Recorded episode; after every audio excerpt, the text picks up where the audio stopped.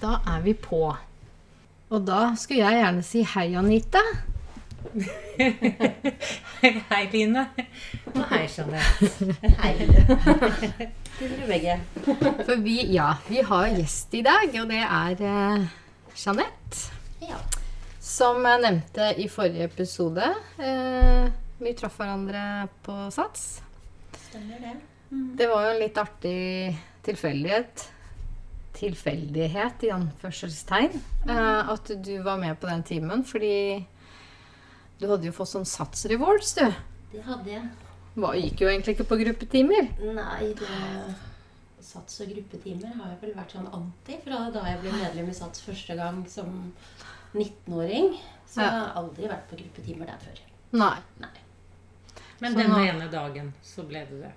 Første timen så ramler du inn på en yin-yoga, hvor da yogalæreren skal hedre alle kvinner og menn som har reist seg etter forhold med vold og både fysisk og psykisk vold. Det er vel eh, ja, litt spesielt. For du har jo en ganske sterk historie. Ja, noen mener det. Ja. Ja. Det er jo ikke noe konkurranse i, i å ha det verst.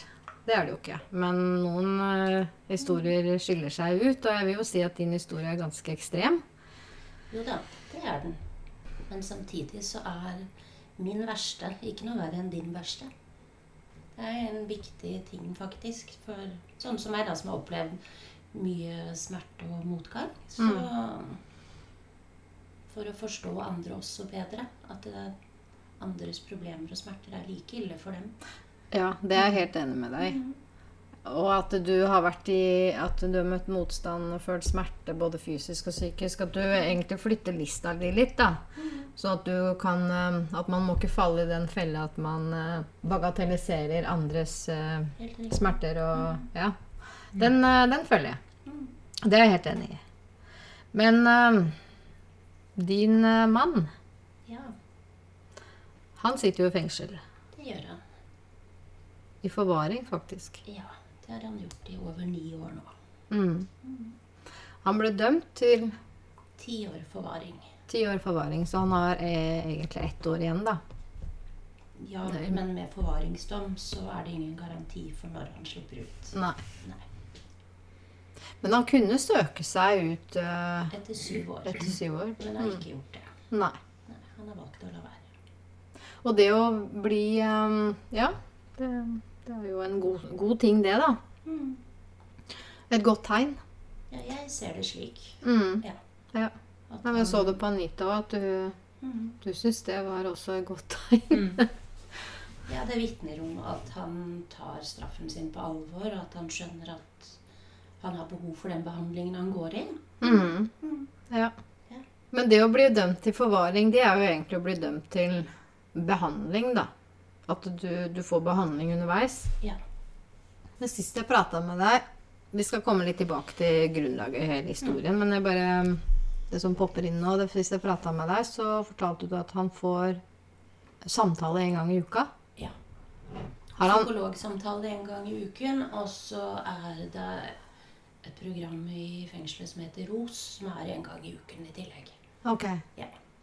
Hva går, hva går det ut på? Det går på at, Nå skal jeg ikke uttale meg for inngående om det, men det er egentlig fellestimer da, for de, de innsatte som har samme problematikk. Ja. Mm. Mm. Så man sitter og deler eh, Sitter man som en gruppe, og Ja. det er sånn type gruppeterapi? Ja. Ja.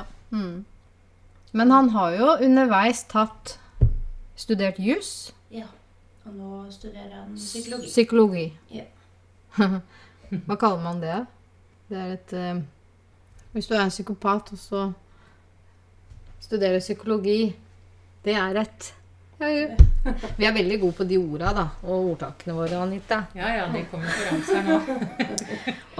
Jeg har det på tunga. Det kommer etterpå. Da sier jeg det. Jeg, jeg, det første Det er et paradoks. veldig, ja, også at det er veldig mentale Han har jo søkt seg til behandling, hvor han kan gå i behandling Mm. hver dag. For Ja. at eh, dette med utdannelse og sånt det er jo ikke hans problematikk at han ikke har noe arbeid. og Han er fysioterapeut og osteopat, sånn at Mm. han hadde jo elleve års utdannelse fra før av. Mm. Så det var jo ikke egentlig det han trenger Nei. hjelp med.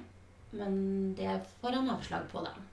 Ja, for det var jo akkurat det jeg ville fram til, og som eh, ja, vi tenker likt om, da, og jeg reagerte på sist vi prata sammen, at han altså én gang i uken å ha samtale med en psykolog eh, Nå veit jeg ikke om han har hatt det hele tiden, eller om det har vært eh, mer intenst eh, tidligere. Det er jo godt mulig. Men det er jo som du sier, at eh, han er jo opptatt med noe hele tiden mentalt. Med å lese juss eller psykologi.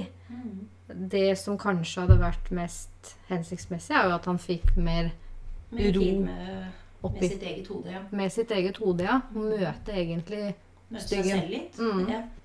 det slik er det dessverre ikke Nei. soningsforholdene er lagt opp. Veldig rart og merkelig å få avslag, syns jeg. Men uh, ja. Syns det er veldig trist når noen Tidligere et sånn eh, Den perioden vi levde sammen, da, og før vi giftet oss, så søkte han jo hjelp hos Alternativ til vold.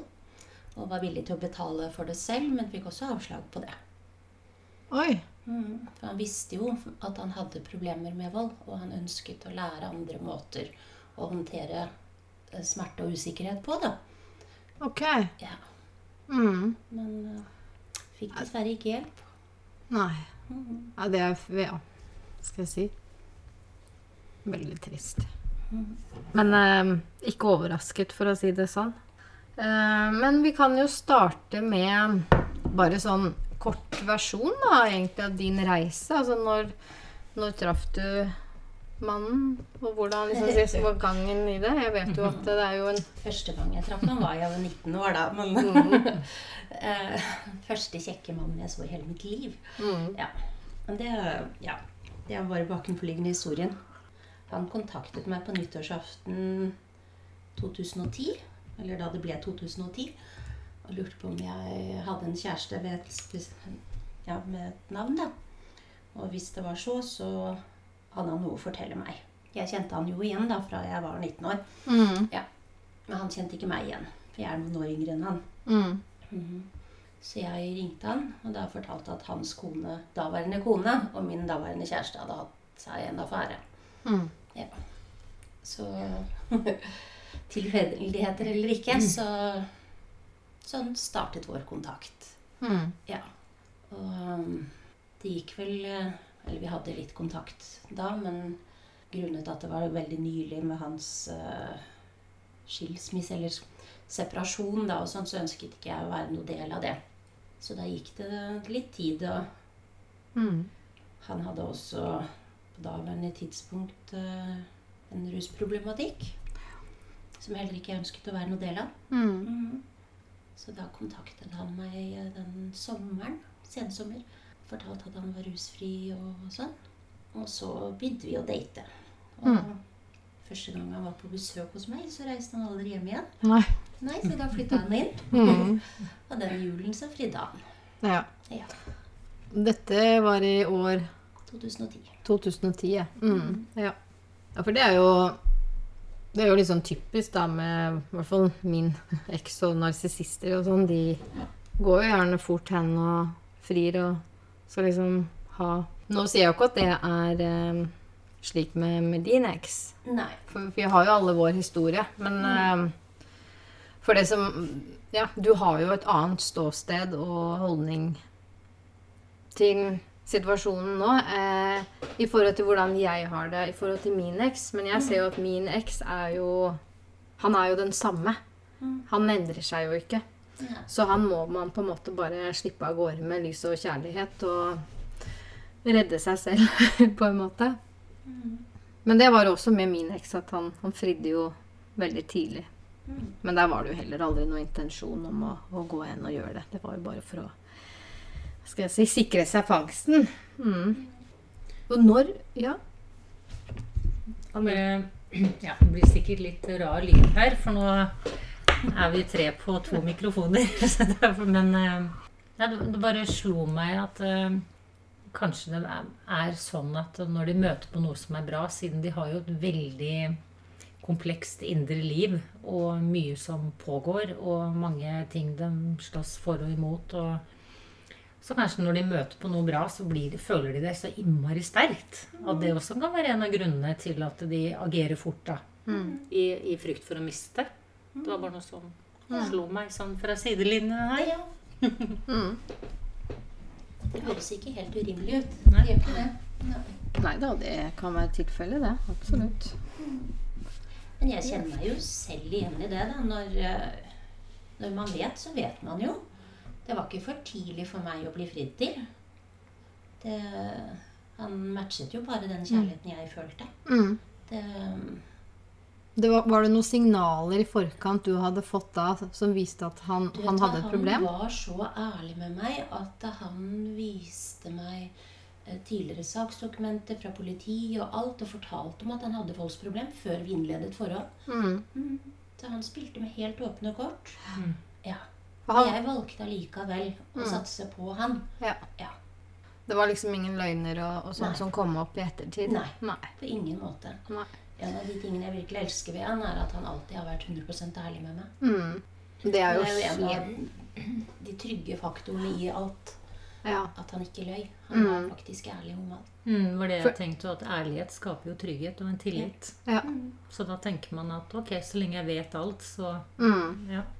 Min historie har vært utsatt for uh, vold tidligere. Og i voldelige forhold tidligere. Og på daværende tidspunkt hadde jeg forståelse for vold. Jeg syns vold var greit. I noen situasjoner. Ikke alle, vel å merke, men eh, jeg hadde ikke noe problem med det. Nei. Nei. Vold mot deg? Du hadde ikke noe problem med det? Eller? Uh, Nei, vold generelt. At jeg tenkte tilbake i tid at uh, i noen situasjoner så forsto jeg hvorfor noen mennesker agerte med vold. Mm. Når man ikke liksom noe annet nådde fram. Mm. Ja, ja, det er jo mangel av noe annet. At uh, Ja. mennesker tyr dit. Selvfølgelig. Mm. Så jeg hadde en større aksept for det, da. Mm. Ja. Har du den eh, Du vet, og det har totalendret seg etter at jeg våkna på sykehuset i 2012. Ja. ja. Mm. Da har jeg, hadde jeg jo vært igjennom måte konsekvensene av å tillate vold. mm. Eh, og det gjorde jo bare alt verre både for han og for meg. Mm. Så var jo ingen som var tjent med det. Det eneste som var tjent med det, var jo at det var den eneste muligheten å få hjelp fra det offentlige. Ja. Ja. Mm. Syns det var interessant at du sa at du, syns for så vidt det var eh, til en viss grad greit med vold. Og det tror jeg det er veldig mange mennesker som egentlig gjør. Inntil det treffer dem selv. Nei, nå hadde jo jeg vært utsatt for vold selv, da. Sånn Ja. at det var jo ikke det at jeg ikke visste hva vold var. Mm. Ja. Gikk det litt på at du tenkte at, at du fortjente det, da, eller? Var det der det lå, kanskje? Nei, jeg syntes ikke at jeg fortjente det. Jeg har ikke tenkt det. Eh, Men jeg har Siden det var greit, en, liksom? Jeg har forstått eh, menns frustrasjon opp imot uh, eh, noen kvinnetyper. Mm. Nå er ikke jeg en av de kvinnetypene. Det er jeg ikke. Uh, som jeg den gangen tenkte at jeg, det var forsvarlig på en eller annen måte. Eller jeg vet ikke hvordan jeg skal få ja, putte dem. Men det er jo også kvinner som er voldelige og Mm. direkte ufine mot sine menn. Og i en sånn relasjon at man på en måte gir tilbake det man får, eller Så det var mer der, da. Og jeg tenkte at eh, da kan jeg forstå det. Mm. Og at det, det er ikke noe mer galt at en mann slår enn at en kvinne gjør det. Ja, Det jeg, jeg, stiller jeg likt, da. Ja, det stiller likt om Mm. det er en mann eller en kvinne. Ja. Men så er det dessverre slik at en mann, hvis han uttrykker følelsene sine som han opplever dem, så blir det så veldig mye mer skremmende og voldsomt, fordi han kanskje er større og sterkere. Men så uttrykker han bare hva han har på innsiden. Så det var kanskje forståelsen av den frustrasjonen da, for en mann å ikke ha lov til å være ekte seg. da.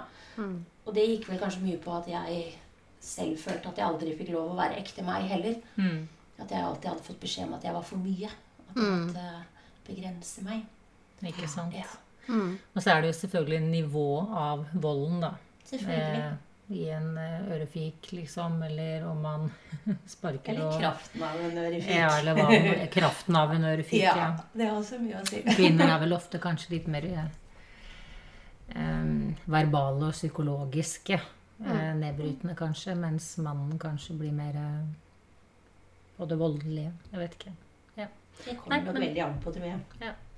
Men ja. Ok, takk. Vær så god.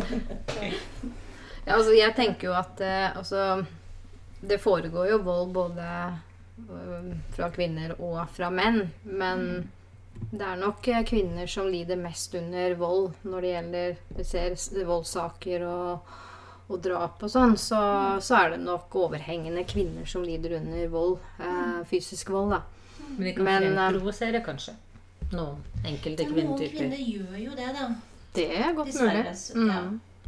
Av egen, uten at vi skal unnskylde vold, det er ikke det Ja, vi frem til. men det- eh, det var bare egentlig følge tråden på det du sa Ja. i forhold til mm. Ja, det må jeg bare si. Altså det, her er det ikke noe forsvar å normalisere vold i det hele tatt. Dette er en åpen eh, diskusjon uten fasit. Og ja. Her kommer det sikkert noen ytringer som andre ikke er enig i, og det er helt, eh, helt greit. Det, dette er historie som vi deler fritt og helt. Så du der ute får uh, vurdere selv hva du tenker. Jeg kan jo bare da presisere at jeg, mitt ståsted i forhold til vold i dag og de ni siste årene har vært veldig annerledes Mm. enn det jeg har vokst opp med. Mm. Men det, det jeg vokste opp med, er jo også hva jeg var opplært til. Mm. Sånn at um, Mm. I forhold til det at kvinner alltid skal akseptere ting fra menn, og menn tar på deg eller sier liksom ting, og at kvinner liksom bare skal akseptere det hvis du er pen, da. Så Mm. er det på en måte en del av sånn livet er. Ja. Ja. Sånn at det, grensene var forskjøvet fra oppveksten av. Mm. Og så har jeg måttet i voksen alder fjerne den vranglæren da, som jeg Mm. kom med. Ja. Ja. Så du har um, Mhm. det, har, det har jo skjedd en endring på innsiden hos deg. Mhm.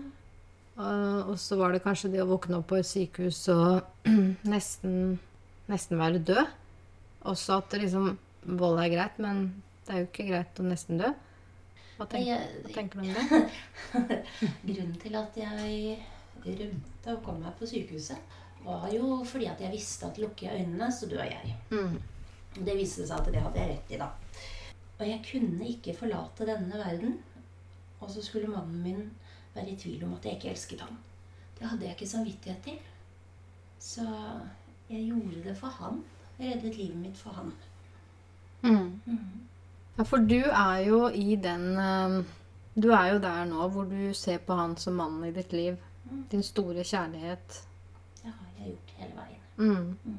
Mm. Og du Dere er jo Det har jo ikke vært noe hva skal jeg si, separasjon og skilsmisse, og det har det jo egentlig aldri Du vet hva, vi er juridisk skilt. Dere Og er så er vi forlovet. Ah, ok. Ja. Og det er jo egentlig Ja. Han slipper ikke ut av fengsel så lenge vi er gift. Nei, Nei. selvfølgelig. Så det ble sånn tvangsskilt, da. Ja, du kan jo si det mer eller mindre. Vi Mm. har jo Både politiet og kriminalomsorgen legger seg jo veldig opp i at ikke vi får lov til å være sammen. Så vi får ikke lov å ha kontakt. De gjør hva de kan for å forhindre oss å kommunisere med hverandre. Det er jo egentlig litt sånn rart at myndighetene skal blande seg opp i hvem man elsker eller ei. Men ja. Det vært Men- det tatt, men Men blander seg opp i alt mulig. Nei da, men, men som jeg sa til deg sist vi prata òg, altså jeg kan jo til en viss grad forstå det også, fordi de tenker jo på å beskytte deg. For de er jo redd for at han skal skade deg, for de ser jo ikke De ser jo ikke med de brillene Hadde du det har. vært så enkelt, så ja. Men øh, nå gikk jeg flere år i behandling til psykologspesialist. Prisvinnende psykologspesialist.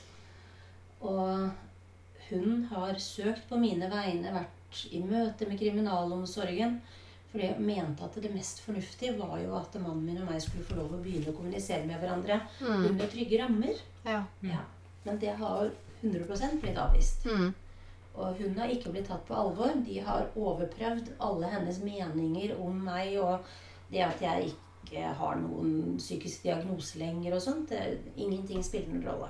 Nei. Jeg har aldri passet inn i en sånn standard normal hvordan kvinner reagerer, kvinner reagerer etter vold og sånn, men de har ikke vært interessert i å lytte til henne. Men hun blir vel å merke brukt i retten da, som Mm. Mm. hva heter det, som spesialvitne da, for Ja. eller rettsoppnevnt Mm. psykiater eller psykolog. Ja. Ja. Man skulle jo tro at din kjærlighet eh, er noe som vil være bra for ham. Det er det. I forhold til Sånn jeg anser det i hvert fall. Jeg har hatt et sånt kjærlighetsprosjekt der, da. mm. For det um, Han fikk jo stilt en diagnose som med en dyssosial personlighetsforstyrrelse. Og som er sadistiske trekk.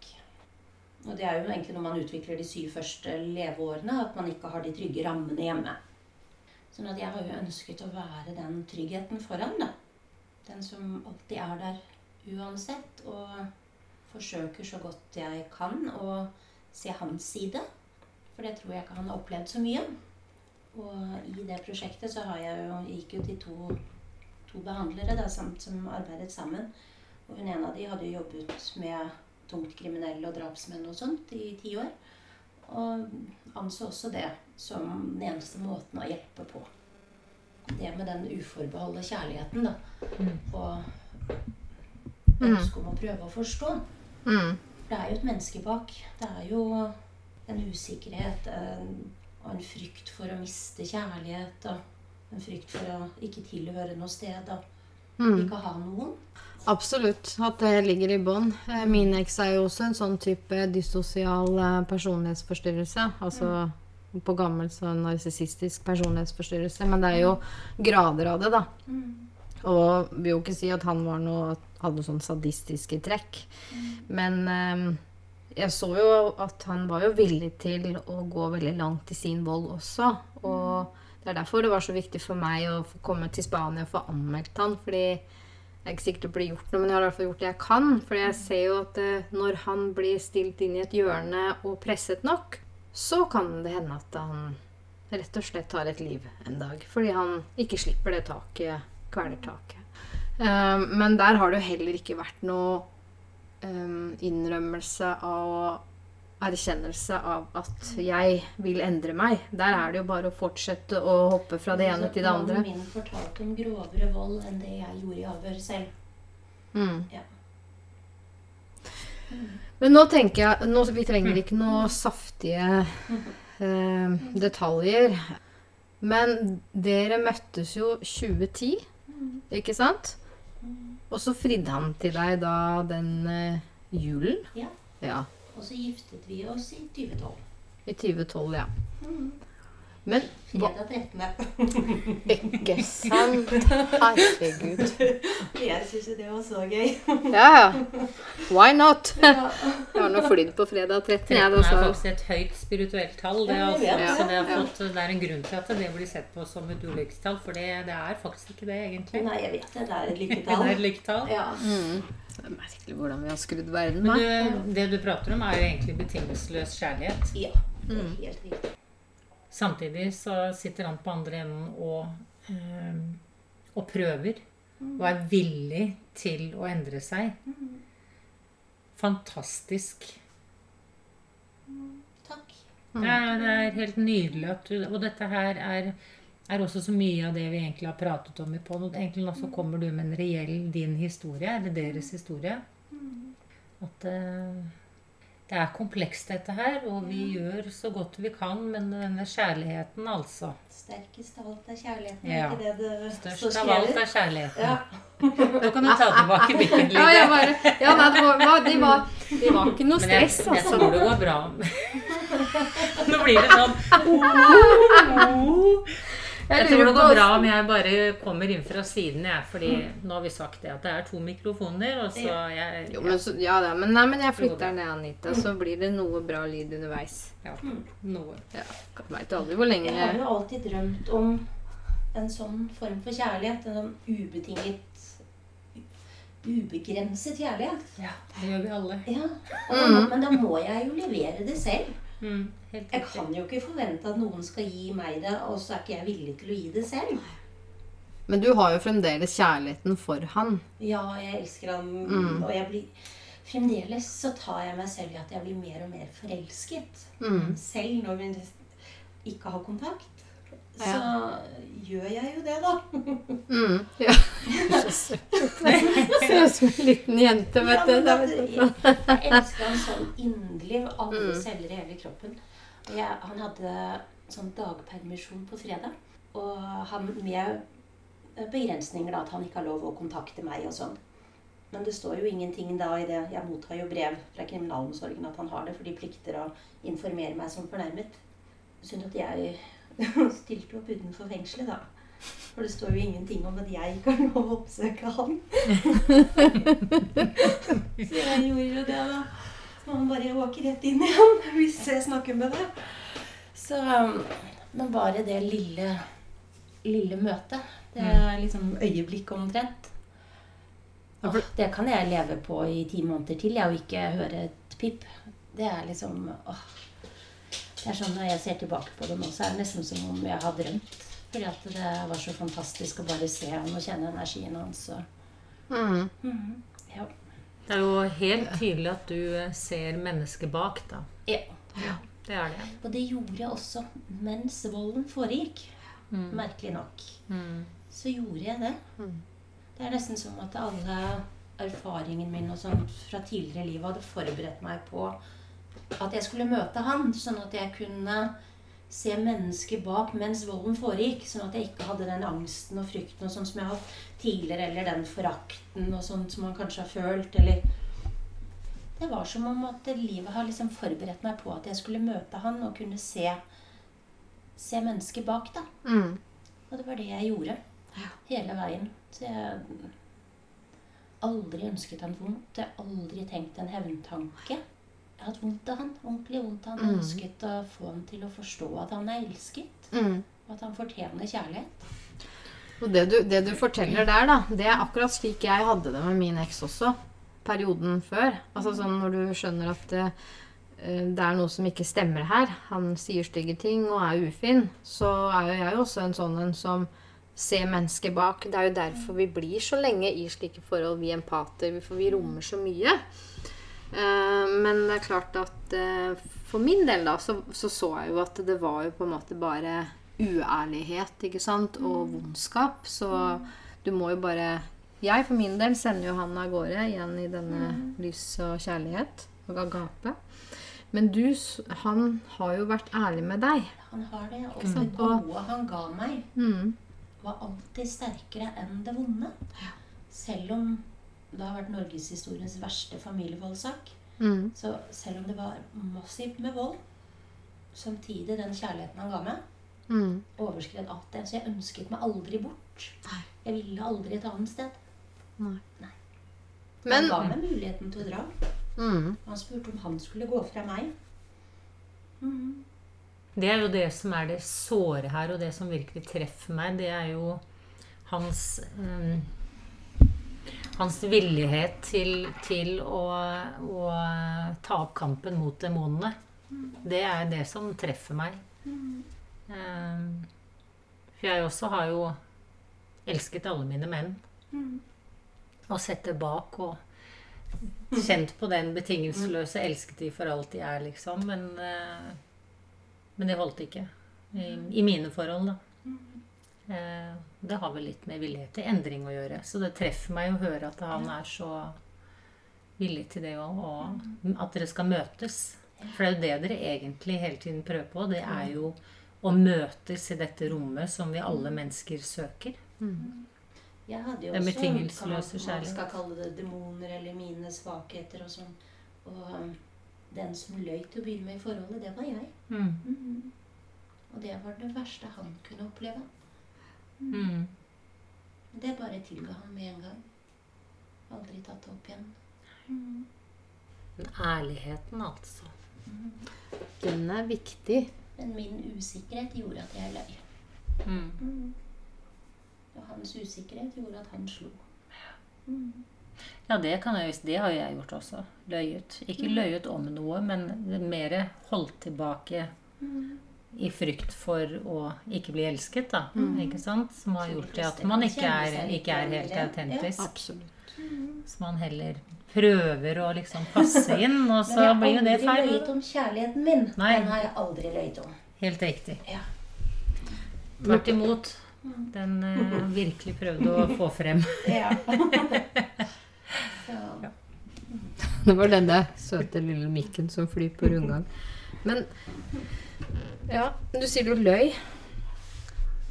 Ikke så viktig, egentlig, men hva var f.eks. ting du kunne Jeg løy om at jeg hadde utdannelse jeg ikke har, blant annet. Så det var jo også sånne ting. Store ting. mm. Og kunne aldri ha drømt om at noen skulle ta det så bra. Eh, mhm. Jeg løy om de tingene som eh, jeg selv hadde komplekser for. Ut ifra hvordan min egen familie hadde behandlet meg. Mm. Mm. Trenger jeg ikke å si hvem i familien da, for å utlevere noen, men ja. Det har blitt fortalt at jeg ikke var verdt noe, at jeg måtte anse meg selv som heldig for at de gadd å bruke tid på å snakke med meg i det hele tatt. Og sånn. Mm. Ja. Det er jo ikke sånn man skal måtte høre, men, og det er jo det som Ja. Det er slik sjeler blir ødelagt av andre. Så løy jeg om de tingene som min ekskjæreste hadde løyet om for å få meg. Sånn merkelig nok. det en, en eks som også var voldelig, men han lever ikke lenger i dag. Han ble tatt av kreften. Mhm. Så, men han løy om en del ting for at jeg skulle gå ut med han. Og han hadde helt rett i det. Jeg hadde aldri gått ut med han hadde han ikke kommet med de løgnene. Ja. Som for eksempel Du, det var alder, og det var utdannelse og jobb og alt sånt, så han var en del år yngre da enn det han huska seg for å være. Og da måtte han jo fylle de årene med noe. Ja. Folk, altså. Ja, Så ut som du hadde noe på hjertet, Anita. så Men uh, dere giftet dere i 2012. Ja. Perioden fram til da, Mhm. Var det stille vann og ro, eller begynte det Du, Når det var første gangen? Det var en eh, periode fra i begynnelsen av 2011 og fram til mai, midten av mai, hvor det var eh, mye vold. Og så var det en pause med vold. eh, fram til vi Ja, minus en eh, Minus én episode eh, på høsten. Eh, og så var det mye vold etter at vi gifta oss. Ja. Så vi hadde fine måneder. Han sonet jo en dom mot sin ekskone, vold mot sin ekskone. Så da var det ikke noe vold. og så var han på overgangsbolig. Og så eh, ansatte jeg han i mitt firma og sånn, så vi jobbet sammen og hadde en veldig, veldig fin periode før vi giftet oss. Mm. Men da starta jo volden ganske tidlig etter at dere ble sammen, da. Ja da, det gjorde den. Og jeg hadde jo alle anledninger til å komme meg vekk mens han satt i fengsel, altså. Men det var jo ikke det jeg ønsket. Nei. Var det ofte? Vold? Ja. Var ofte. Ofte, ja. Nei, jeg tenker litt sånn, Det kan ofte være sånn på hvis du tenker en vektskål, da, ikke sant? Eh, Si var, syv dager i uken. Hvor mange av de ja, det var vel flere med enn uten. Ja, ja. Ja. Sånn, Ganske voldsomt. Da. ja, det var veldig intensivt når det var. Og så kunne det være litt sånn periodevis også. Sånn at jeg kunne være at det liksom var kanskje fem dager uten eller noe sånt nå, og så var det ponni mange dager og kunne være mange døgn i strekk. Opptil et par uker med ikke søvn og ikke mat. Og. Så det var veldig voldsomt når det holdt på. Det var det. Så Var det, noe, var det noe alkohol eller eh, noe rus i bildet da? Når, det var noen rusmidler var? inne i bildet da. Det var det. Mm. Ja, Så han var ikke helt seg selv Nei. sånn sett? Nei. Mm. Det er jo veldig ofte det, da. At det er Men bare for å hente opp en liten ting bare sånn i forhold Mm. til, eh, til lyttere, og egentlig til mine ekser også. Jeg Mm. nevnte i stad det der med, med villighet til endring. Mm. Eh, og da mener jeg ikke at, at, de, at de skulle endre seg og bli noen andre, men Mm. eh, det var mer det et samarbeid. Da. Det er jo det som treffer meg med dere to. Mm. At dere begge to gjør et arbeid for å kunne møtes på midten. Ja. Ikke sant? At det er villighet til det indre. Mm. Så for en felles fremtid Ja. og en plattform. Mm. Ja. Ja, ja det var rus, ja. ja, det var det. Mm. Hvordan eh, er det med det i dag? Hva tenker han om det i dag? Du, han eh, har ikke noe ønske for rus. Det var egentlig oppimot eh, det seksuelle at det var rusmidler. Ikke sånn for å ruse seg for å gå på fest eller eh, Det var for å forsterke intensitet, eller intensiteten i connection, egentlig, da. Sånn i det seksuelle. I å føle, Ja. kanskje? Ja. um, så jeg hadde aldri prøvd rusmidler før jeg møtte han. Jeg hadde vært totalt anti. ja. Jeg valgte å prøve av at han var det første mennesket jeg egentlig så opp til. Som jeg noen gang hadde møtt. Så med all kunnskapen og alt han hadde, så var jeg villig til å gi det et forsøk. Han hadde jo også en histo en vond historie da, som ble nok blandet litt inn i oss med dette med når det var rusmidler inn i bildet. Sånn at det var vanskelig for han å avslutte hvis han først fikk vonde tanker og følelser mens han var på rus. Så han ville liksom legge eller bli ferdig med tingene da, før rusen var over. Og det var jo derfor det kunne vare i 14 dager, da. Sånn Ja. Så da gjemte det ble liksom aldri over. Nei, det gjorde jo ikke det, da. Men jeg gjemte jo unna, da. Sånn at han trodde at jeg tok, og så tok jeg ikke. For å være klar nok til å så få roa ting. Sånn at jeg finner andre utveier, da. Og han ønsket jo, han ville jo, så det var jo Nei, det var en berg-og-dal-bane, kan jo si det sånn. Men samtidig så var det jo sånn intenst følelsesmessig kjærlighet òg, da. Og en sånn ønske for begge to også møtes. Så nå som jeg er ferdig med å bearbeide og ikke har noe sånn triggere lenger, og sånn som utløser noe angst og sånn, så flirer jeg kanskje mest av det. Men uh, jeg skjønner at for andre at det kanskje blir litt rart.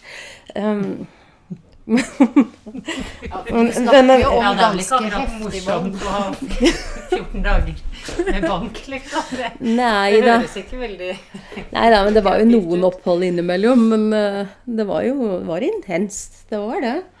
Det var intenst. Men samtidig så lærte jeg meg selv å kjenne, da.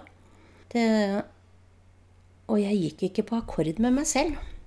Og i det så lærte jeg å elske meg selv, noe jeg aldri hadde gjort før. Så jeg forsto min egen verd i dette, i denne galskapen. I det at jeg ikke hadde negative tanker. At jeg ikke ønsket hevn. At jeg, så innså jeg hvem jeg er, og hva jeg er laget av. Og at jeg bare har godhet i meg. Det er bare tvers gjennom kjærlighet og godhet. Og i det så skjønte jeg jo at eh, jeg er jo verdt å elske. Sånn at Du er jo en kjærlighetsengel. ja. Så da begynte jeg å elske meg selv, da. Aldri så galt at det ikke er godt for noe. Fantastisk. Da har du, da har du oppnådd uh, veldig mye hittil i livet. Det må jeg si. Jeg må jo legge til at jeg tror ikke jeg hadde kommet dit hadde det ikke vært så ille. Så jeg tror at det på en måte var den forløsende nøkkelen, egentlig. At han var like gæren som meg, da. Jeg var jo gæren i å bli værende. Hvis, du, hvis dere skjønner det. Så du ja. Mm. Jeg trengte noen som kunne dra det like langt som jeg var villig til å gå. Mm. Så Fordi vi tenker jo slik at uh, vi tiltrekker jo oss mennesker som kan være med å pakke ut eh, bagasjen sammen med oss. Uh, men det er klart det at Man tenker kanskje ikke at man inkluderer det som man må stå og face da, for å pakke ut bagasjen. Holde på å koste en livet. Eh, For det er jo ganske det er grov vold vi snakker om. Selv om vi ler, og du har jo en veldig fin uh, alltid hatt litt galgenhumor i forhold til Ja. dette med volden og sånn. Og det, men sånn er det jo. Mm.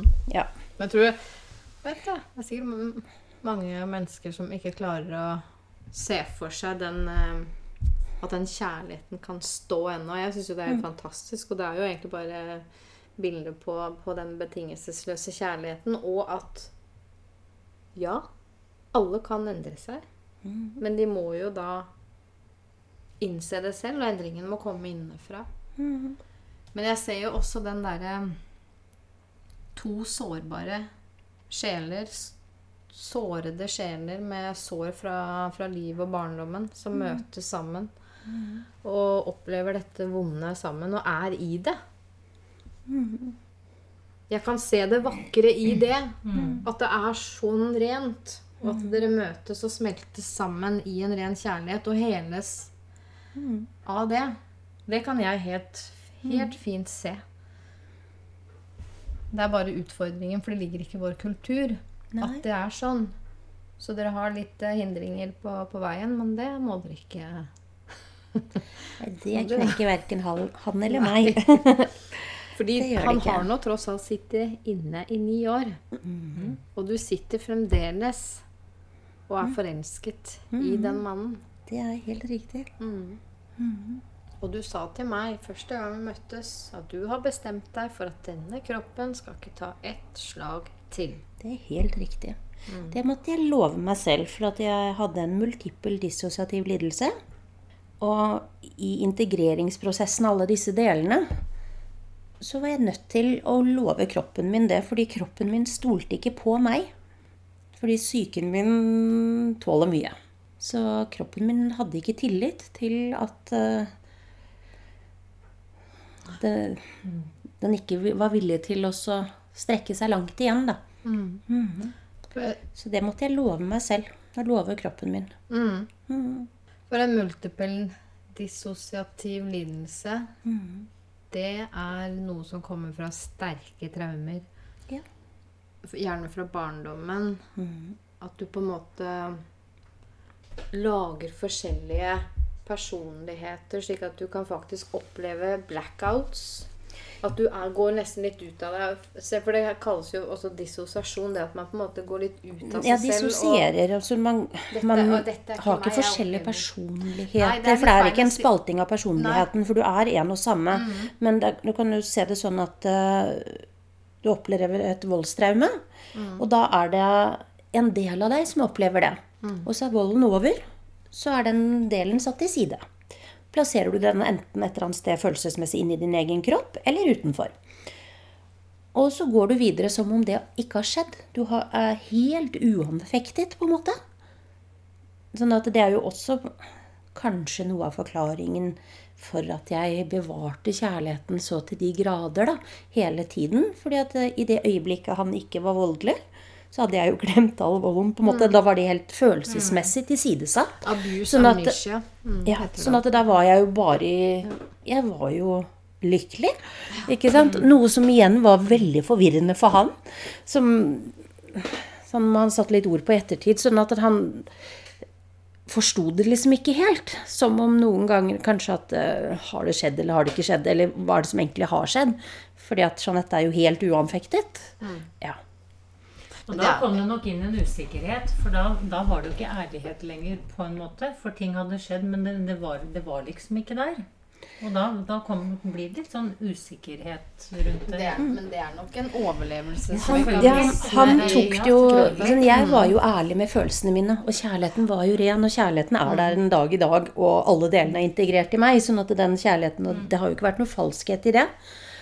Men for han så følte han det Eller han var redd for Jeg skal ikke si at han følte som, han var redd for at jeg ikke brydde meg nok om han til å ha noen reaksjon på volden. Så han fikk en sånn drive på å skulle få meg til å bli lei meg. Han ville at jeg skulle gråte, han ville at jeg skulle ha noen reaksjon.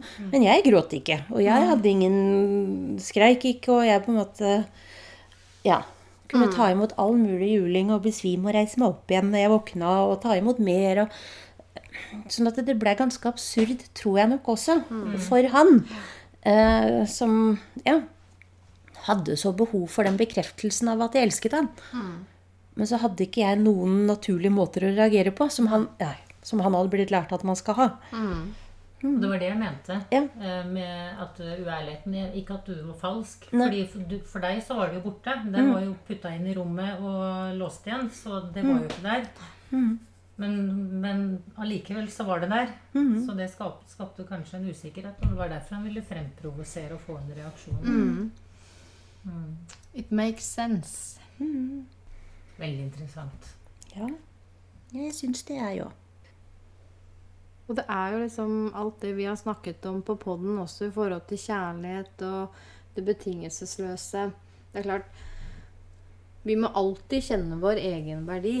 Og vi skal ikke ta imot øh, slag. Det er jo ikke det vi prøver å formidle her med denne Nei, på ingen måte. På ingen måte. Dette er jo Dette er min historie, sånn at jeg går ut ifra at ingen andre ha, trenger å ha nøyaktig den samme historien. Så Men det er jo Alle har jo sin Uh, unike historie. Og det psykologiske som du uh, forteller om her. Eh, sånn at eh, når man graver litt dypere i det, da, så er det litt mer forståelig hvorfor man blir i slike forhold. Og for andre, sånn som for min del, så er det sånn at jeg Jeg skjønte ikke at jeg ble mishandla før ganske lenge etterpå. Det er jo det du egentlig ser i ettertid, når du begynner å gå tilbake. Så jeg tenkte i dag når jeg kjørte bil, så tenkte jeg Tenk hvor mange ganger egentlig han har kommet med psykisk eh, mishandling uten at jeg har vært klar over det. Og det klarer jeg ikke å, å huske tilbake til. Det har vært så mye mer enn det jeg trodde. Og for meg så er det jo også en solskinnshistorie. For jeg har jo reist meg igjen, og jeg har sendt han av gårde. I lys og kjærlighet. For n-te gang. Eh, og har ingen hevntanker i det hele tatt. Det er, det er så deilig å kjenne at det, At jeg evner å elske og ikke være bitter. Og jeg tror det er jo det som er livets eh, ekte suksess, hvis jeg kan kalle det sånn. Mm. er som Hvem sa det? Oh. Roosevelt? Nei. Kanskje. Husker ikke. Lincoln! Lincoln! Abraham Lincoln sa dette her. Det er en fiasko i enhver suksess. Og det er en suksess i enhver fiasko. ja. Anita og jeg har alltid, alltid Når vi skal komme med sånne ordtak, så må vi begynne å tenke og Nei, åssen var det og sånn. ja. Jeg tror jeg sa den riktig nå. Men eh, Og vi skal jo ikke den der, ja, dømme andre, for alle, har jo sin unike historie og noe unikt sammen med den de er med. Det har Sissel Gran sagt, faktisk. ja. Har du noe på hjertet? Nei, jeg bare sitter og tenker på dette med, med triggere. Eh, jeg tror at vi alle egentlig har en del triggere. Og Ja, det er jo det som ligger unnunder, men så, er men så blir de de blir omtalt som i overflaten, da. Ja, hun er veldig sjalu. Hun er Eller han er han Men ord sånn. er nemlig triggere. Og det, ord er triggere. Og det tror jeg ikke er så mange som er så klar over. At eh, det å bruke ord Enkelte ord er triggende for mennesker. Eller, ja, og det er jo forskjellig fra person til person. Mm. Så det er jo viktig i en relasjon å lære hvilke ord som er triggerord. Og så er det jo det å bli klar over dem selv òg. For det er jo ikke alle som egentlig vet om det selv. Men det er noe man har hørt eh, en eller annen gang i en setting hvor ting har vært vondt. Mm. Og så hvis det ordet blir brukt, selv om ikke det er i samme setting, så kan bare ordet gjøre at du blir sånn indre uro og føler en litt sånn stress på innsiden og føler seg urolig, så vet man kanskje ikke hvorfor. Ordets makt er viktig. Absolutt. Og jeg har hatt opplevelser Mm. hvor en trigger slår inn, og den har kommet altså så fort Mm. at jeg føler meg bare helt sånn frakopla fra alt som er utenfor meg. Jeg bare kjenner at jeg står helt bare skjelver på innsiden. Mm. Eh, og jeg tenker hva er det som skjer nå? Hva er det som skjer nå? Eh, Og da er det en, et eller annet som jeg har sensa eller tatt Mm. opp, som har sikkert minnet meg om noe Det er jo lyder og lukter Mm, ikke og sant? Ja. Og derfor så, det vært, derfor så er det jo så fint, derfor så prater vi mye om det på podden. Jeg har bydd mye på meg selv i starten. Mm. Jeg har hatt en del triggere fra min far.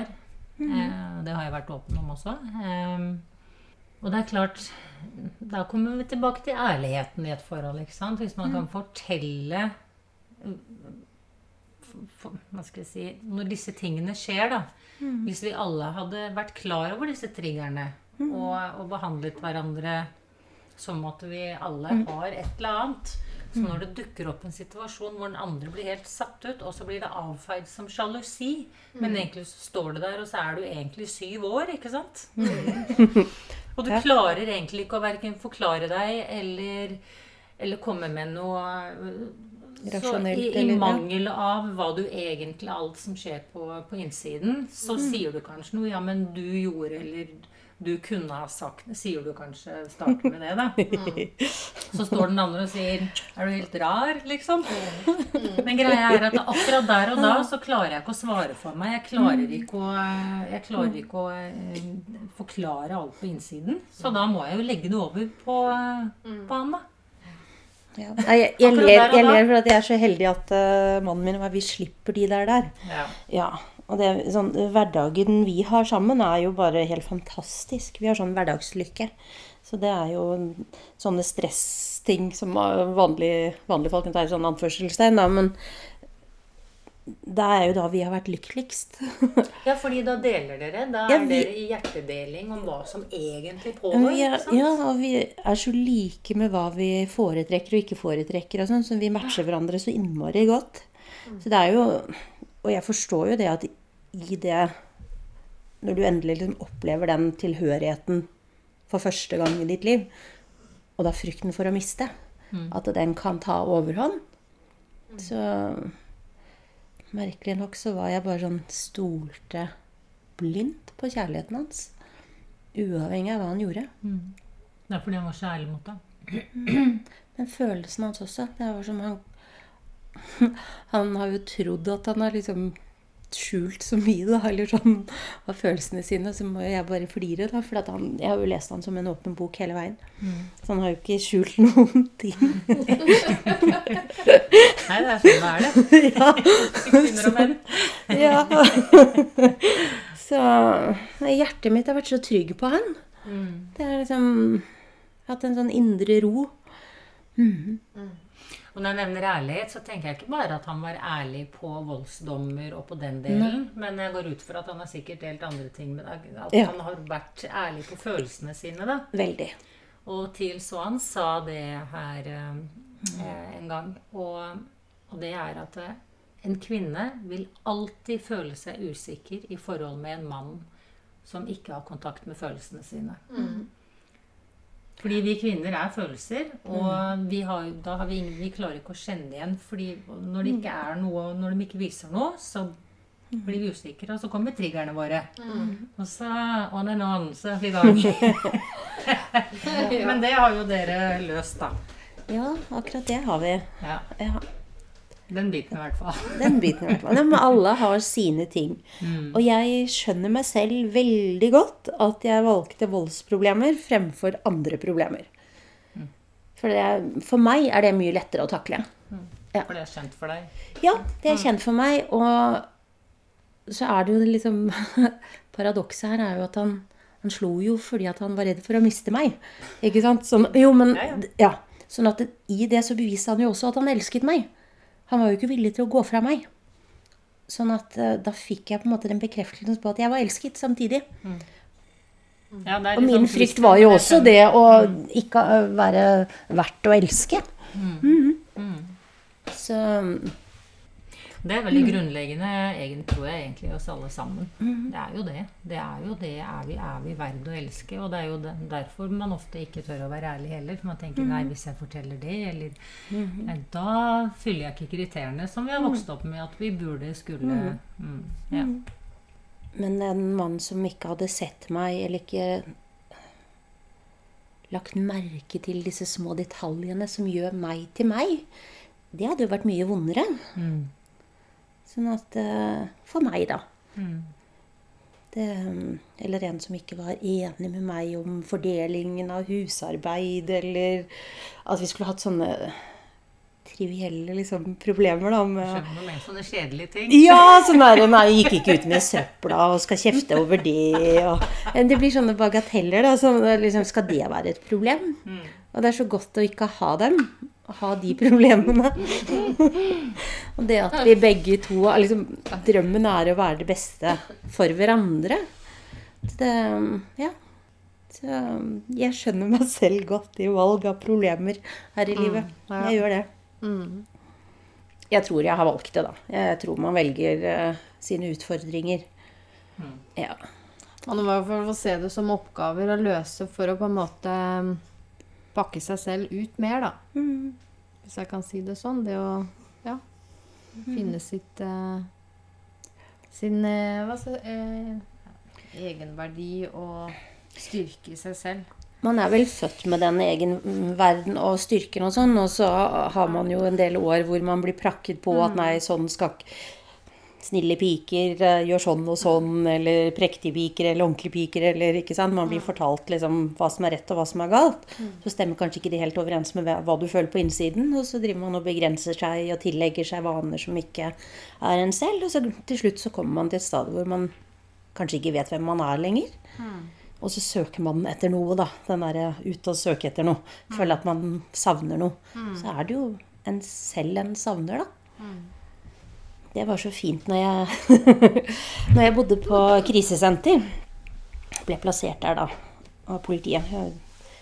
Leiligheten der vi bodde sånn var jo tatt over av politiet og ble behandlet som et dødsåsted. da. Så fikk ikke flytte tilbake dit. Men da skjønte Men da husker jeg hadde skrudd opp vinduene og hadde fått lurt med meg en skrutrekker fra broren min. For at det, vinduene der det var sånn høysikkerhetskrisesenter, så det der var de plombert og sånn, så det var ikke mulig å åpne de. Det var jo varmt da, og strålende sol ute. Så da skrudde jeg det opp i hengslene. Satt jeg i vinduskarmen. Og så bare kjente jeg liksom solen stråle på meg, og så bare kjente jeg åh, dette er det jeg har savnet. Det er meg, det. Og det bare fylte det liksom åh, den kjærligheten som bare rommet inni meg. Så da gikk det opp for meg at den der savnet og den der uroen og den lengselen Det var bare lengselen etter å være meg selv. Mm. For meg er uh, historien min med mannen min vært min frelse, på en måte, da. Selv om du har eh, vært gjennom mye for den frelsen. Veien til lykke er eh, via lidelse, eller noe sånt. Det er noen sånne ord som er sagt. Du begynner med visdomsåra. Nei, men det Det er noe i det at når du har det ille nok, så er det liksom ikke noe annen vei, da, Nei. enn til det gode. Mm, det er sant, det, altså. Så jeg tuller jo litt med det, men de som eh, syter og klager, da sier jeg du har ikke hatt det vondt nok. Du veit ikke hva du snakker om. Du har ikke hatt det vondt nok. Og grunnet min historie, da, så kan jeg jo si det litt. Mm, ja, ikke sant. Men igjen, da, sånn som du sa innledningsvis, altså, vi skal jo ikke bagatellisere andres eh, historie og, og smerte heller. Selv om det er greit. Ja, det er det. Det er godt å kunne le av ting også. Ikke, ikke For det er vondt nok når det foregår. Mm. Så man trenger ikke å gjøre det større enn det det er. Nei. Og gi det mer makt. For det er jo det man gjør hvis man tar med seg smerten og, og lidelsen videre. Fordi volden er jo det øyeblikket den er, og så har du de skadene som du har etterpå. Og det er nok. Man trenger ikke å mentalt i tillegg plage seg selv med det. Neida. Og det er jo For da blir det altoppslukende til slutt. Men det er jo riktig healing. Eh, at, å, å komme dit. At du ikke lever gjennom disse traumene hele tiden. Så um, klart du har gjort et godt stykke arbeid. Indre arbeid. Som vi gjentar her i poden. Kjempeviktig. Ja, jeg har vel jobbet eh, mer eller mindre med meg selv hver eneste dag i åtte år. Og så har jeg det siste året hatt litt mer fri. Ja. Men eh, jeg jobbet gjerne tolv timer om dagen med det psykiske og det fysiske. For jeg har jo hatt mange operasjoner og fysiske plager. Mhm. Men, Men- i dag er jeg smertefri. ja. Det er jo kjempebra. Og jeg var varig fysisk ufør. Mm. Men det er jeg ikke lenger. Nei. Nei. Du har gjort en kjempejobb i å hile deg selv. Ja, jeg er eh, Takk. Men ja, jeg er stolt av arbeidet jeg har gjort. Og er da kan jeg fortelle deg at uh, vi andre må jo også bare takke. For ethvert menneske som healer seg selv sånn, det sendes jo ut i det kollektive. Og det er så høye frekvenser og så bra for alle. For hele menneskeheten og verden, faktisk. Det synet deler jeg med deg. Mhm. Det gjør jeg. Så heale seg selv, heale verden. Helt enig i det. Um, jeg vil bare litt tilbake til um, den dagen når du eh, kom deg på sykehus. Um, hva hadde skjedd da? Ja, ja. Hva skal vi si? Hva var det breaking point, liksom? Du, jeg hadde visst eh, den siste uken at jeg måtte komme meg vekk. Uh, hadde en sånn indre stemme. Og det jeg hadde fra før det, den indre stemmen hadde hele tiden fortalt meg at det går bra. Men da fortalte den meg at eh, Jeanette, du må, du må komme deg vekk. Så da prøvde jeg å snike liksom kastet opp tøy opp trappen og sånn, for jeg var naken. Så jeg hadde ikke lyst til å gå ut naken da, uten noen ting. Og det var jo såpass skadet at jeg visste jeg kunne ikke løpe fort og liksom sånn. Sånn at det var Ja. Så jeg Var han hjemme da? Ja, ja. Mm. Så Men han holdt deg litt fanget, eller? Jeg vet ikke hvordan man skal Man kan sikkert si det. Så, eller Situasjonen gjorde at jeg kunne ikke gå, da. Ja. Um, det var i hvert fall noen tilfeldigheter som gjorde at uh, jeg fikk gå ut, og jeg skulle ta ut noe penger. Og uh, tidligere, så hvis jeg, jeg kunne tidligere fått sånn oppgave at jeg måtte løpe ned på butikken i første etasje. Eller på kjellerplan, da, der vi bodde. Eh, og da hadde jeg fem minutter å løpe opp og ned. Og så handle kanskje fem ting eller noe sånt. Og hvis jeg ikke rakk det, så fikk jeg juling. Men hvis jeg rakk det, så var det en pause fra volden. Sånn at da Jeg var ganske rask. Jeg løp opp og ned til femte etasje på høye hæler. Og fikk handlet det jeg skulle på fem minutter. Og når jeg skulle låse meg inn i døren igjen, så måtte jeg passe på at jeg hadde rolig energi. For jeg visste at hvis jeg hadde hjertebank og sånn angst, så ville han føle det i etasjen under. Og så ville volden være i gang. Så da var det veldig den derre løpe, løpe, løpe, høy puls, og så puste ut. Og så visste jeg at den måten jeg vrir om nøkkelen, kommer han til å føle der nede. Så jeg måtte gjøre det med kjærlighet og trygghet og godhet. Og gå ned liksom trappen og alt sånn med en sånn letthet i trinnene mine, da, sånn at han følte en kjærlighet og trygghet idet jeg kom inn. Da var det ikke vold når jeg kom hjem.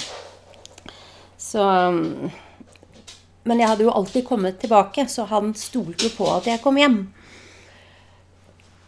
Mens uh, denne gangen, da, så dro jeg istedenfor mm. å komme hjem. Ja. Det var ikke han forberedt på. Men der grep jeg bare muligheten. Mm. I det sekundet han ba meg om å gå ut og ta penger, så dro jeg på meg hans jakke og en parykk fordi alt håret mitt var revet av og brent og ja. Så ikke helt ut. Og noen store solbriller. Og ja. Kom meg av gårde. Men da var jeg så skadet at jeg nesten ikke kunne se. Så det brukte nesten to og en halv time ned til legevakten fra Alexander Kiellands plass. Men var det ingen som stoppet og så at du trengte hjelp? Bare første inn nå? Nei da. Det, jeg hadde jo på meg en parykk med liksom pannelugg og hår ned. Å, hei, vennen. Bolt. Ja. Han, han kjente at du trengte litt kjærlighet. Men jeg tok en taxi. Men den taxien satte meg av i det store krysset ved legevakta. Lyskrysset. Oh, ja, der, ja. Og jeg og det var helt uh, vanskelig. Eller sånn, jeg var så vidt jeg klarte å komme meg fram til legevakta derfra. Mm. Det var også en merkelig erfaring, fordi der så jeg bare energier. Eh, fra husvegger og fra mennesker, og det var sånne lystråder som alt bare fløyt i hverandre. Og så så jeg energiene i ansiktene til menneskene, hva slags tanker de hadde. Om de var negative, eller om de var positive. Så men jeg kom meg inn på legevakta. Trekk i kølapp, da. Flink jente. Ja, ja, ja. Veloppdragen, vet du. Og, og liksom er på vei til å sette meg, da, men så skjønner jeg at nei, dette går ikke bra, så jeg går til disse vekterne da, og så spør om jeg kan komme først i køen. Og så etter det så har jeg bare kollapset på gulvet, da. Og så blir jeg da hastekjørt eller til Ullevål operert og sånn, da. Fordi da Ja. For dette her er jo litt mer enn en ørefik. Hva, eh, hva tenker du om den opplevelsen når du så bare disse lysene og de menneskene? Og, for det syns jeg var veldig interessant. For da tenker jeg at eh, da er det jo Det er nesten så spiriten din har tatt over og på en måte får deg frem. Og du Ja. er i en litt sånn eh, Ja. Jeg visste at lukket jeg øynene. Jeg var jo så sliten, så jeg mm, visste ikke om jeg klarte å komme meg frem. Men jeg visste samtidig at nå er jeg imellom her. ja. Ja. Uh, sånn at uh, hvis jeg ikke får hjelp nå, så går jeg videre. Jeg skjønte at jeg var på vei til å gå over i en annen dimensjon, da. Mm. Så um, det Jeg har tenkt mye sånn i ettertid, og sånn der og da så bare var alt. Og så Det var veldig skremmende på en måte å se den negative energien. Det var akkurat som jeg så døden i mennesker. I noen. Og så så jeg det vakreste, vakreste i andre. Så det var liksom ytterpunktene. Eh, og det var jo også fantastisk. Jeg må jo si det, da. Men Og det var jo egentlig litt mellom, mellom ja, Ja. dimensjoner, Ja. egentlig. Eh, Men du valgte antageligvis at du skulle fortsette den. Ja, jeg, Sånn jeg har hatt en sånn. Det var en episode den samme sommeren da hvor eh, jeg var ute av kroppen. Og han prøvde å gjenopplive meg og liksom i munn-til-munn-metode. Og, liksom, og jeg var oppe i rommet, oppe i taket, og så så han ned. Og så gir han opp liksom og prøver å få liv i meg. Og kaster seg om på gulvet og, og hulkgråter. For han liksom innser at han har tatt livet mitt. Og det er kanskje den sterkeste, eller sånn tyngste kampen jeg har gjort i meg selv for å komme tilbake i egen kropp. For å ta vare på han. Han hadde det så vondt. Sterkt. Kjenner jeg får gåsehud igjen. Ja, jeg sier, du er jo en kjærlighetens engel. Kjærligheten er det viktigste for meg, i hvert fall. Mm. Og så er jeg laget av kjærlighet. Ja. Ja. ja, ja. Ifølge min mor og far så er jeg et kjærlighetsbarn nå, da. Jeg vet ikke om det har noe med saken å gjøre, men kanskje. Så. Men jeg, jeg vil eh, litt tilbake til krisesenteret, for du nevnte noe tidligere. Det er jo sånn som vi har snakket om, at vi har Vi ønsker å bruke vår erfaring til å hjelpe andre, da. Mhm. Og, um, og vi er jo ikke bitre eller noe sånt. Og du har jo da brukt din historie og erfaring på krisesenteret. Ja, det har jeg. Jeg var med min tidligere psykolog. Hun underviser på krisesenterskolen. Så jeg var med der og og holdt foredrag og snakket om min erfaring på krisesenter der jeg var, da. Jeg bodde jo der i ti måneder. Man mener jo egentlig at man ikke skal være mer enn tre måneder, da. Men uh, grunnet situasjonen og at jeg var i vitnebeskyttelse og sånn, så ble det ti måneder da på meg. Sånn at de fikk positiv tilbakemelding på um, det jeg delte og sånn, og ønsket å legge om faktisk også litt måten de plasserer mennesker og sånn, for det var jo en del triggere der, da.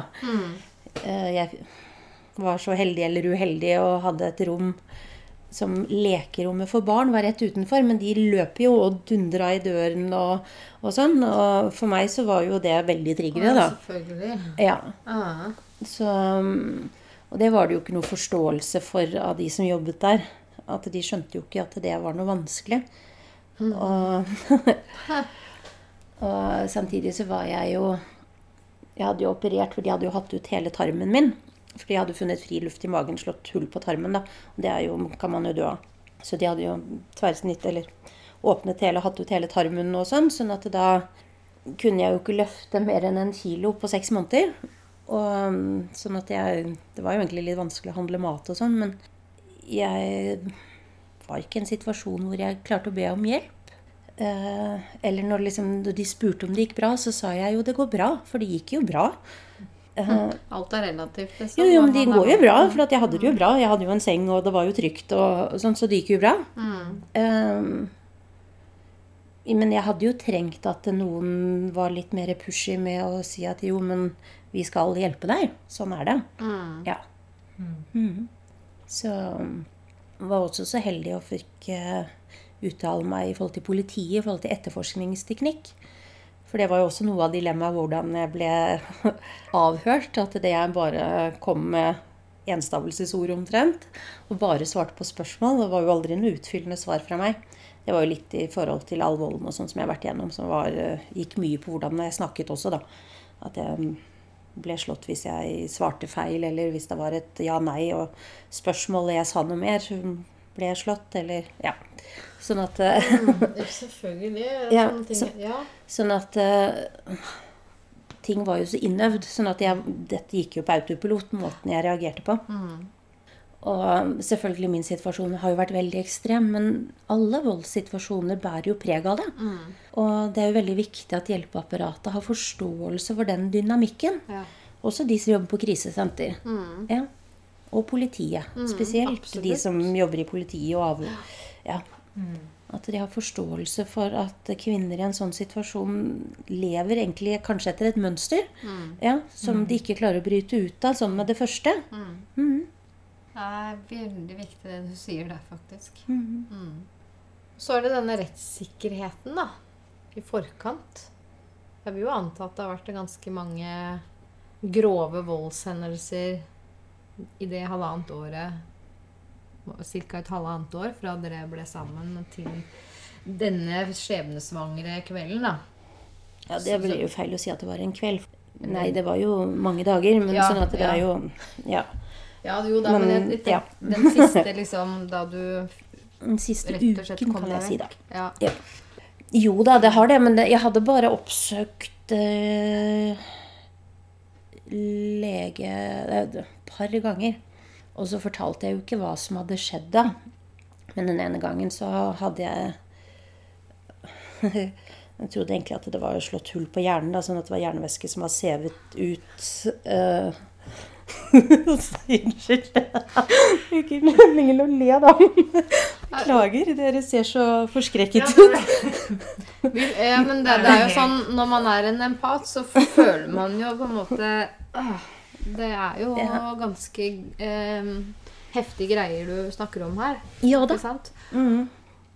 Så da men, eh, På sykehuset De sendte meg hjem igjen, skjønner du. Sånn at eh, Nei, jeg- Men de mistenkte ikke at det hadde noe med med mannen min å gjøre? Nei. Nei. Nei. Men jeg var jo flink til å si noe annet, da. Mm. Det, og det må jeg nesten ta opp litt på egen kappe òg, fordi at eh, Jeg er en dyktig skuespiller. Mm. Ja, meget dyktig skuespiller. Mm. Det blir man jo gjerne, da, hvis man har opplevd mye vold og sånt. Mhm. Ja. så gjør man gjerne det. For det er ikke så veldig trygt å be om hjelp. Fordi hjelpeapparatet aner ikke hvordan de skal kunne hjelpe uten at de faktisk gjør mer vondt. Nei. Nei. Det er jo ingen garanti, sånn hvis du går og anmelder noe eller sier noe til legen, da, at uh, gjerningspersonen blir automatisk satt i varetekt. Men hvis han ikke gjør det, så er det jo bare vondt verre. Mm. Mhm. Sånn at man kan jo ikke si noe til Nei. noen. Du er helt alene. Mm. Og så må man vel kanskje komme til det punktet hvor man er klar for å avslutte, kanskje? Jo, selvfølgelig. Det kan man jo si at man må jo ønske det også. Da. Nå er jo min situasjon sånn sett litt annerledes. Men samtidig så er det ikke nok sikkerhet rundt hjelpeapparatet. Nei. Men Sånn at det er det en person som er Kan man kalle det gæren nok, eller skadet nok, eller jeg vet ikke hva slags betegnelse man skal bruke på det. Da. Men så finner de kvinnen. mm. Sånn at da Ja, jeg forstår dem. De er, Ja. de er jo livredde. Og det å få en voldsalarm, den er jo bare en falsk trygghet. ja.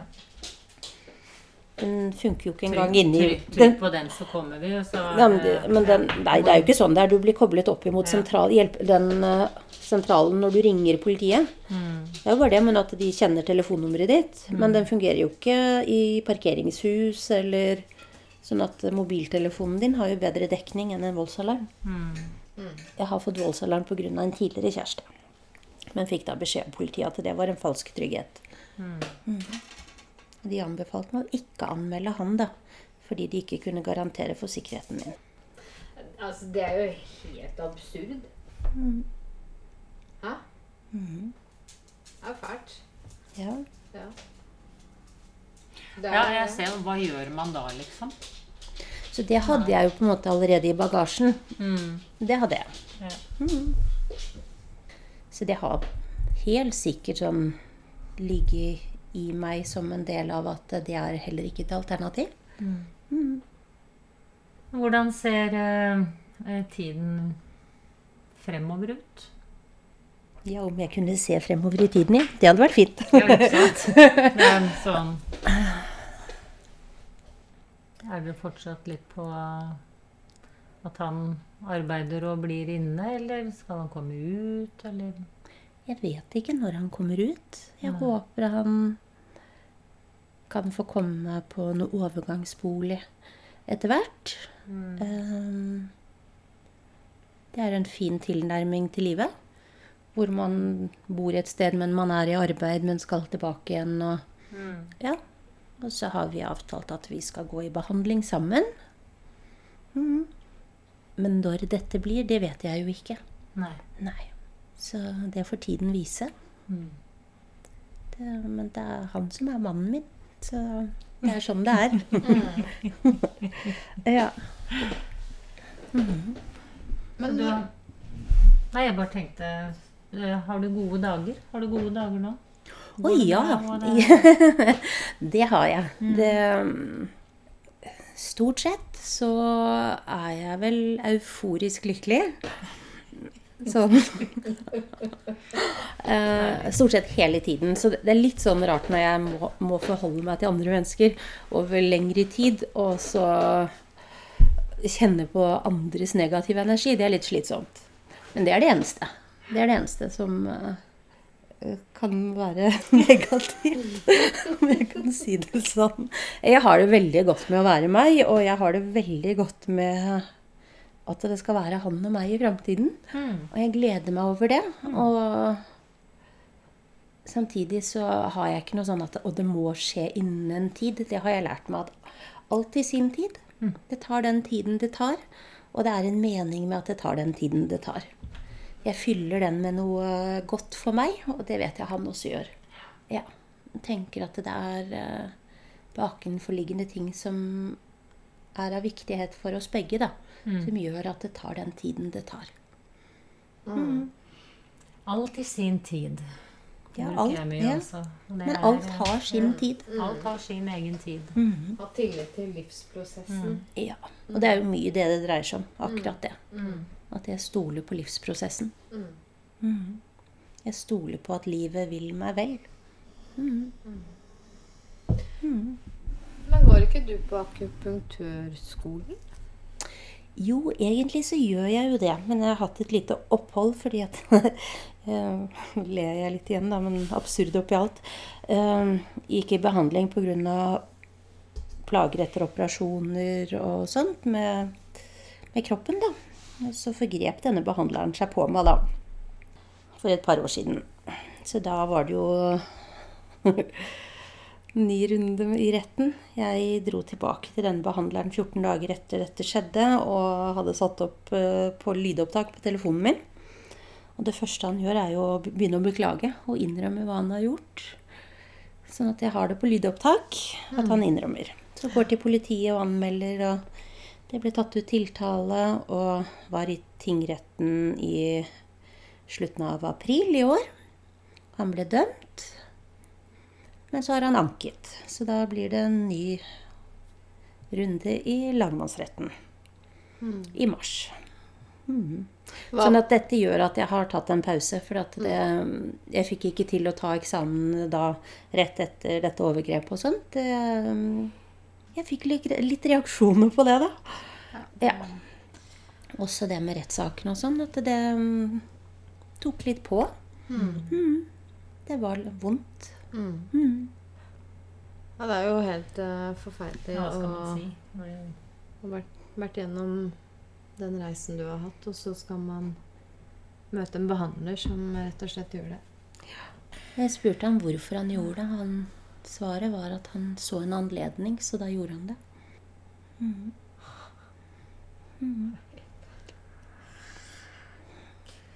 Vi er, er Ja, egentlig akkurat den, speechless. De, programme- de programmene der, og de overbevisningene og de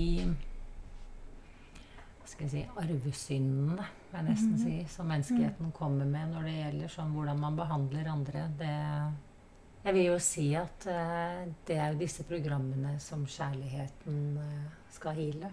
Nå har jeg en litt sånn morsom måte å se ting på, da.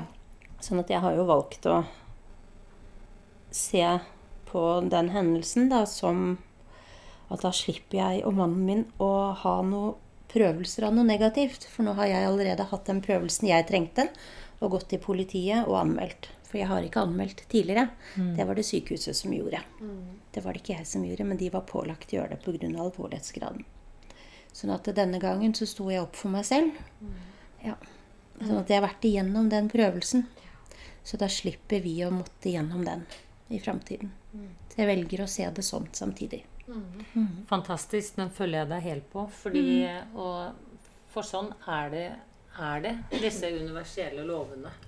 At vi, vi har en Kanskje litt dyrekjøpt, men vi har en erfaring som vi trenger, og som du sier, ja, den var voldsom, men den også frigjorde deg på en måte. Ja. At du kom inn i selvkjærligheten. Og så nesten litt sånn hmm, Har du integrert denne kjærligheten for deg selv? Er den, står du i den nå? Og så kommer livet litt sånn inn, og så møter du en situasjon, og så fikk du bevist for deg selv Ja, det gjør du. Ja. Fordi nå gikk det ikke videre. Du sto opp for deg selv og satte ned foten med en gang. Ja. Og gikk til handling på det. ja, det er litt viktig å huske på det at man får disse prøvelsene. Vi får disse prøvelsene. Når du kanskje er på det beste, da. Når ting bare går lekende lett. Så kommer de sånn ut av det blå. Ja. Det handler ikke om hvordan du har det, men hvordan du tar det. Helt riktig. Ja, men Det er som jeg skulle sagt det selv. Det er faktisk mye sant i det. Det gode, gamle uttrykket der. Ja, så dette, dette var en uh, annerledes kjærlighetshistorie. En ekte kjærlighetshistorie. ja. Er det noe du har lyst til å tilføre? Hvis mannen min hører på dette, så kan han vite at jeg elsker ham mer enn det går an å sette ord på. Og at jeg alltid vil være her for ham. Mm. Det er det eneste. Og da kan jeg underskrive på at det, det merkes når du sier det. Takk. Da må jeg få lov til å si tusen hjertelig takk for historien din og delingen. Det har vært eh, Det har vært en glede å sitte her og lytte og få lov til å delta i den. Så takk. Selv takk for at jeg fikk komme. Ja, tusen hjertelig for at du ville dele. Og jeg er veldig takknemlig for at uh, vi har møttes. Og gleder meg til å bli bedre kjent med deg. I like måte. Og veien videre blir spennende. Takk. Så da ønsker vi alle der ute masse lys og kjærlighet.